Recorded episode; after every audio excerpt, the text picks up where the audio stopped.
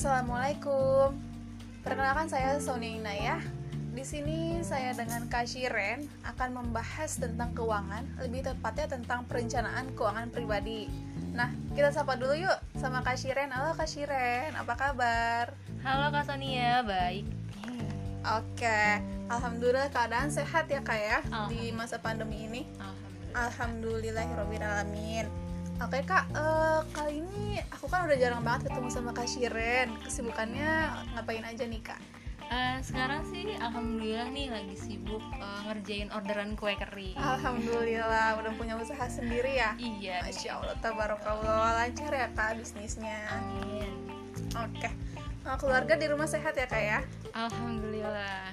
Oke, kita eh, langsung aja nih kak, karena aku sama kakak kan bakal ngebahas eh, mengenai perencanaan keuangan pribadi. Menurut kakak, seberapa penting sih perencanaan keuangan pribadi itu? Eh, kalau menurut aku sih penting banget ya, karena kan dari perencanaan keuangan itu sendiri bisa ngebantu nih nge- ngebedain mana yang keinginan, mana yang kebutuhan. Oh iya, jadi eh, ada kita harus ngebedain gitu ya. Oh, kita butuh apa sih? Kita pengen apa gitu? Yang kita Hmm, butuh itu apa ya? Yang kita inginin itu apa gitu ya? Jadi betul banget. Oke, bagus banget sih kak. Oh ya, eh, pastinya kan eh, itu penting banget ya kak. Memang perencanaan keuangan atau financial planning itu sangat penting supaya tujuan keuangan kita itu lebih dapat terpenuhi secara efektif dan juga efisien. Kalau cuma kita pakai uang yang kita miliki setiap ada penghasilan yang masuk, kemungkinan besar itu cepat atau lambat kondisi keuangan kita akan memburuk. Setuju ya kak? Setuju banget nih Kak Sonia. Jadi ya, financial planning juga bisa loh ngebe- ngebedain apa yang harus didahulukan dan mana yang harus ditunda dulu gitu. Oke, jadi eh, skala prioritas ya kak ya. Betul banget. Oke. Nah, eh, aku mau nanya nih buat Kak Shiren sendiri, gimana sih kakak itu kelola keuangan kakak selama ini? Mau nanya dong, boleh ya? Oh, boleh banget. Jadi tuh sebetulnya aku tuh baru banget ya ngerti tentang pentingnya menyusun keuangan. Awalnya sih eh, ketika ada pemasukan berapapun itu mau banyak atau sedikit ya Pak. Ya menurut aku uang wajib itu harus aku tabung. Nah, makin ke sini aku tuh ngeliat ya eh, lingkungan sekitar aku, aku ngeliat sosmed sih terutama banyak banget nih ngebahas tentang satu hal yang pengen aku pengen banget aku tahu, cuman aku masih maju mundur nih, Kak Sonia. Hmm, boleh dikasih tahu Kak Shiren apa tuh? Iya, jadi tuh aku pengen banget tahu tentang investasi. Kak Sonia tahu nggak sih investasi itu gimana ya? Oh, oke, itu juga sangat menarik sih buat aku sendiri karena kita sama-sama masih belajar ya kak tentang invest itu. Nah, kalau gitu aku bakal kasih tips sama Kak Shiren seputar perencanaan keuangan atau financial planning. Nah, yang harus dilakukan itu yang pertama kita harus melakukan financial check up Kak Shiren. Tahu gak Kak Shiren financial check up itu apa? Nggak tahu, aku baru denger sih Kak Sonia. Apa sih financial check up itu? Nah, financial check up itu itu kayak basicnya financial planning. Jadi itu dasarnya eh, kita mengatur keuangan. Sebelum melakukan perencanaan keuangan yang lain, sebelum kita melakukan invest yang kakak mau Oke. itu, sebelum kita eh, mempelajari tentang invest, asuransi, biaya pendidikan, financial check up itu kita eh, bagaimana cara kita menilai sehat atau enggaknya keuangan kita kayak gitu. Nah, caranya itu Kak tahu gak financial check up itu harus gimana aja? Nggak tahu nih Kak, kasih tahu aku dong. Caranya kita bisa melihat dari dua data. Yang pertama dari neraca arus kas, kemudian kita bisa melihat dari laporan kekayaan kita sendiri. Gitu kak. Oke. Nah dari financial check up yang udah aku jelasin tadi, aku kasih ibarat gini deh kak. Ibarat perusahaan yang nggak pernah catat, baik itu pemasukan perusahaan, pengeluaran perusahaan, stok barang perusahaan, terus perusahaan itu nggak pernah audit, maka operasional perusahaan itu tuh nggak akan lancar.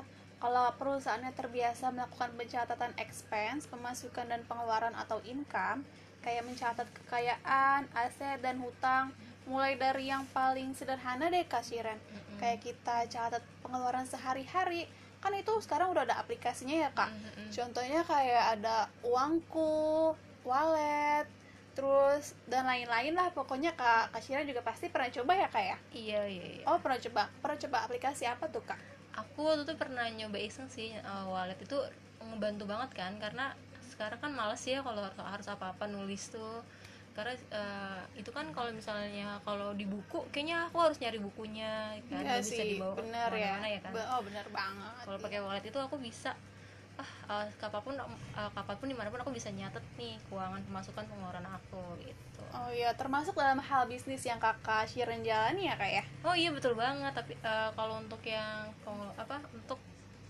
uh, dagangan aku ini aku lebih ke ini sih kak lebih pakainya Excel anjay Oh oke, pakai Excel nggak apa-apa itu juga Di bagus. dalam financial iya. check up ini kita bisa lihat dari dua data aja kak. Yang pertama dari neraca arus kas sama dari laporan atas kekayaan kita sendiri. wah apaan tuh kak Sonia neraca arus kas Nah sebetulnya kakak pasti agak bingung ya dengar neraca arus kas. Mm-mm. Neraca arus kas itu itu bisa menggambarkan pemasukan dan pengeluaran kita. Nah, kalau dari pemasukan itu kan kita dari mana aja tuh bisa dari Hmm. satu sumber atau beberapa sumber. Nah, kalau pengeluaran, pengeluaran kita pasti banyak banget kan. Mm, banget Nah, ada pengeluaran per hari, gitu kan kita beli-beli pulsa, beli Oh, apa gitu kan. Terus pengeluaran per minggu, terus pengeluaran per bulan. Nah, itu kan pasti dalam pengeluaran itu kita sisihkan untuk tiga hal dong pastinya untuk sedekah, Oh, iya pasti, dong, iya. sedekah. Untuk tabungan kita sendiri Wah, maupun untuk keluarga. Mm, betul. Kakak kan juga pengen menabung kan untuk masa depan kakak, iya dong untuk kuliah kakak juga. iya iya Kemudian selain untuk sedekah dan menabung, kita juga menyisihkan uang untuk berinvestasi. Kemudian eh, pengeluaran itu sifatnya dibedakan menjadi dua kak. Ada yang sifatnya tetap sama yang berubah. Tahu gak bedanya apa? kalau tetap berarti dia nggak berubah-berubah kalau berubah dia nggak tetap Nah iya sih itu benar juga kak. Cuma Heeh. kalau pengeluaran tetap atau kita sebut sebagai fixed expense oke itu contohnya kayak eh, kita bayar cicilan rumah atau KPR tuh itu kan nilainya tetap segitu iya, segitu aja terus kredit motor atau kakak misalkan ambil mobil itu kan pasti nilainya segitu segitu Oh, aja iya. kalau misalkan variable expense atau yang sifatnya berubah-ubah kan Mm-mm. variable kan nggak tetap tuh oh iya berubah-ubah itu tuh dia eh, pasti pembayarannya ada naik ada turun contohnya Hmm. kayak kita beli pulsa bayar- gitu ya ah bener banget beli beli pulsa bayar listrik pokoknya beli makan sehari-hari pasti Oh juga kan iya, oh berubah-ubah iya, iya. kan Selain yang dari neraca arus kas tadi, yang dari pemasukan sama pengeluaran, kita juga bisa ngelihat dari eh, laporan kekayaan dan hutang. Itu tercantum dalam financial statement ke Shiren. hmm, gitu financial assessment itu apaan sih kak Financial statement itu seperti laporan yang menggambarkan antara aset sama hutang kakak Shiren kayak Oh, gitu. Nah, kalau asetnya itu sama hutangnya itu nanti akan dibagi lagi. Nah, kalau di financial statement itu tercantum aset atau aktiva kakak. Aktiva itu bahasa anak akuntansi. Kita sebutnya sebagai harta atau Oh, aset. oke harta Nah, iya. Aset atau aktiva itu ada tiga kak. apa aja tuh Ya, ada tiga. Pertama itu ada liquid, personal, Mhm. sama invest. wow apa aja tuh artinya Nah, liquid itu artinya eh, karena dia itu kan berasal dari liquid ya. Artinya kan cair. Contohnya kayak tabungan, deposit, reksadana, kayak gitu. Pokoknya dia itu sifatnya cair. Yang kedua ada personal. Personal itu maksudnya dia itu nggak ada nilai invest tiap bulannya, tidak mendatangkan nilai nilai invest tiap bulan. Contohnya kayak kayak kakak nih beli tas, terus beli perhiasan. Perhiasannya maksudnya di sini tuh bukan emas ya kak ya. Kalau emas itu dia bisa mendatangkan nilai invest. Terus kakak punya gadget mahal, punya laptop mahal, kayak gitu. Kemudian selain personal, ada invest. Tiap waktu mampu memberikan potensi pertumbuhan. Contohnya kayak eh, investasi emas, investasi reksadana. rumah termasuk juga ya kak Oh iya, itu masuk ke properti. Itu kayak saham dan lain-lain. Nah, itu dari aset, Kak. Sekarang ada utang. Utang itu terbagi menjadi dua loh, Kak. Tahu gak? nggak tahu Nah, dari hutang itu terbagi menjadi dua, ada hutang jangka pendek sama hutang jangka panjang. Mm-mm. Hutang jangka pendek itu yang kurang dari satu tahun. Contohnya Oke. kayak kayak aku nih ngutang ke kashiren hutang ke teman hutang ke keluarga Oke. nggak mungkin lah kita ngutang sampai bertahun-tahun gitu kan Oke, nggak oke, mungkin juga Hmm. kalau misalkan hutang jangka panjang tuh contohnya kayak KPR kayak Hmm. ambil kredit motor Oke. kredit mobil kan itu pasti ada yang lebih dari satu tahun ya kak ya Oke. nah kita bisa mencatat tuh semuanya antara aset kita semua total aset kekayaan kita dikurangi sama utang-utang kakak shiren kayak gitu. Itu namanya aset bersih. Nah Oke. dari situ akan dijadikan dasar untuk menghitung rasio keuangan kakak. Oke. apakah sehat atau tidak? Kalau misalkan lebih banyak pengeluaran itu namanya nggak bagus berarti kondisi keuangan Iya, kakak. iya, iya, iya. atau uh, pemasukan kakak sama pengeluaran kakak itu sama sama itu Mhm. namanya kalau kalau di bahasa anak uh, marketing namanya break even point jadi nggak Oke. untung nggak rugi juga gitu Oke. Oke Kak Shiren, jadi memulai financial check up itu kita bisa melihat dari neraca arus kas sama dari laporan kekayaan sama hutang ya Kak. Oke. Oke, sekarang saya akan singgung mengenai invest yang kakak tertarik tadi. Iya nih. Aku tuh eh, ngiranya kalau misalnya aku udah buat Nah, ngebahas tentang invest nih Kak Sonia. Aku kan udah ngebuat perencanaan keuangan nih, udah menyisakan pemasukanku buat tabungan nih di bank. Berarti itu udah bisa dibilang investasi kan ya? Oke, pertanyaannya menarik banget Kak Shiren. Menabung itu beda sama invest, dia itu nggak sama. Masih banyak yang salah kaprah tentang hal ini. Perbedaannya antara menabung sama invest itu, aku sebutin ya kak. Oke. Kalau untuk menabung itu kita menyimpan uang untuk kebutuhan atau jangka pendek aja maupun darurat. Nah, itu yang pertama. Yang kedua, kalau menabung itu bisa kita cairin atau bisa kita ambil kapan aja. Hmm. Nah, yang ketiga, keuntungan kalau kita nabung itu lebih rendah Oh, seperti iya. itu. Nah, kemudian yang keempat, resiko kerugiannya rendah. Oke. Ya, kalau untuk invest Hmm? itu dia eh, pengembangan uang yang kita miliki itu untuk mendapatkan keuntungannya itu bisa lebih dari yang kita investasikan. Kalau menabung kan kita keuntungannya rendah. Nah, kalau invest itu bisa lebih. Terus kalau invest itu dia itu kan kalau menabung bisa kapan aja. Kalau invest ada jangka waktu untuk mencairkan dananya. Nggak bisa sembarangan ya? Nggak bisa. Kemudian yang ketiga keuntungan yang didapat tentunya lebih tinggi. Nah, ada satu yang eh, kekurangan dari invest ini punya resiko kerugian yang tinggi. Beda sama menabung seperti itu. Oke. Iya. Kalau misalnya investasi tuh kalau misalnya semakin tinggi kita investasi bisa jadi semakin tinggi keuntungan, jadi bisa jadi juga kerugiannya semakin tinggi ya. Benar. Jadi. Kita juga mesti pilih-pilih investasi apa yang cocok gitu ya untuk kita sebagai pemula seperti itu. Nah, Kak Sonia tadi kan Kak Sonia udah ngebahas nih tentang investasi dan tabungan. Sebenarnya perlu nggak sih anak muda berinvestasi? Wah, ini tuh pertanyaannya juga bagus banget nih Kak Shiren. Lagi-lagi aku dikasih pertanyaan yang bagus sama Kak Shiren. Anak muda itu harus berinvestasi. Kenapa? Yang pertama, kita bisa menciptakan sumber keuangan baru. Nah, dari situ, ketika dana invest kita itu menghasilkan bunga, bunga itu yang bisa menjadi keuntungan kita. Beda halnya sama menabung. Kalau menabung itu kan eh, uang kamu hanya diam atau stuck di bank. Itu tuh nggak menambah nilai. Nah, itu kan itu yang pertama. Kemudian yang kedua, kita bisa kejar mimpi.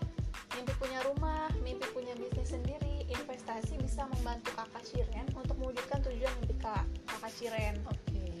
Nah, kemudian yang ketiga, eh, investasi itu Kak Shiren mampu membuat uang itu bekerja untuk Kak Shiren, bukan sebaliknya. Dana yang Kak Shiren invest akan menghasilkan uang tambahan dari bunga yang dihasilkan. Nah, dari tambah, eh, tambahan pemasukan tersebut, Kak Shiren bisa menikmati hidup melakukan hal yang Kak Shiren pengen, misalkan traveling, lanjut pendidikan misalkan sampai S2 atau S3 atau modal membangun bisnis. Kemudian eh, selain itu yang terakhir bisa menyiapkan masa tua. Akan ada waktunya kasiran harus pensiun dan berhenti dari dunia kerja. Tentunya kasiran harus mempersiapkan sumber pendapatan ketika udah nggak produktif lagi. Kalau misalkan kasiran melakukan investasi dari sekarang nih dana investasi sama keuntungannya bisa kasirnya nikmati ketika udah pensiun nanti nilai uangnya akan terus bertambah seiring berjalannya waktu seperti itu. berarti uh, dengan investasi ini nyambung ya sama masalah corona ini. Berarti kalau misalnya mungkin aku udah investasi sebelum corona aku nggak bakalan kesusahan kayak gini ya. Apalagi kan sekarang corona ini banyak yang di PHK ya Mas Ania iya bener banget.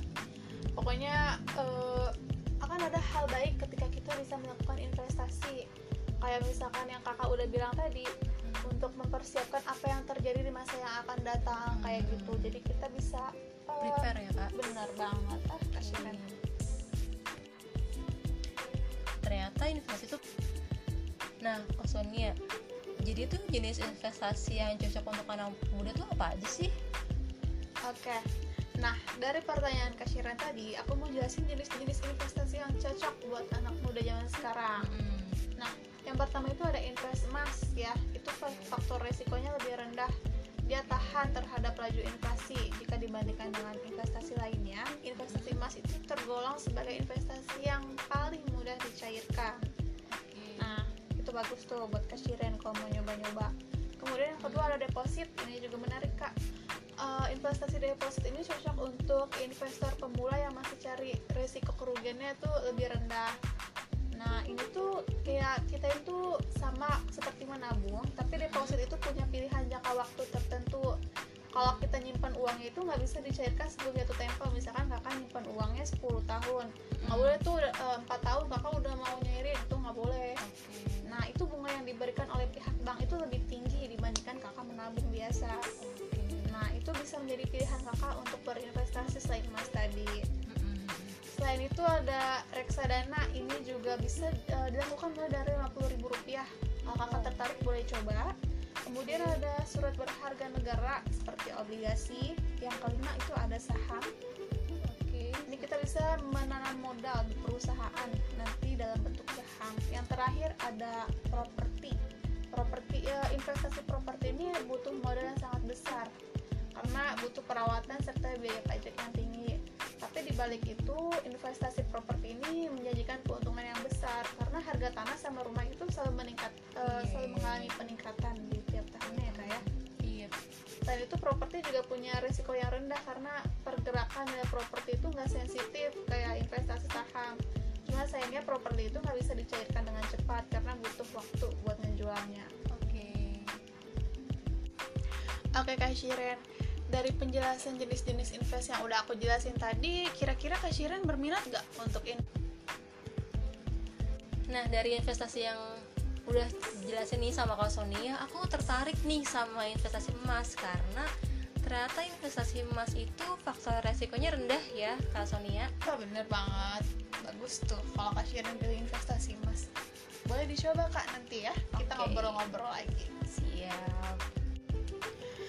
Oke teman-teman, dari bahasan yang udah kita obrolin sama Kak Shiren tadi mengenai perencanaan keuangan pribadi, intinya kita mesti tahu ya.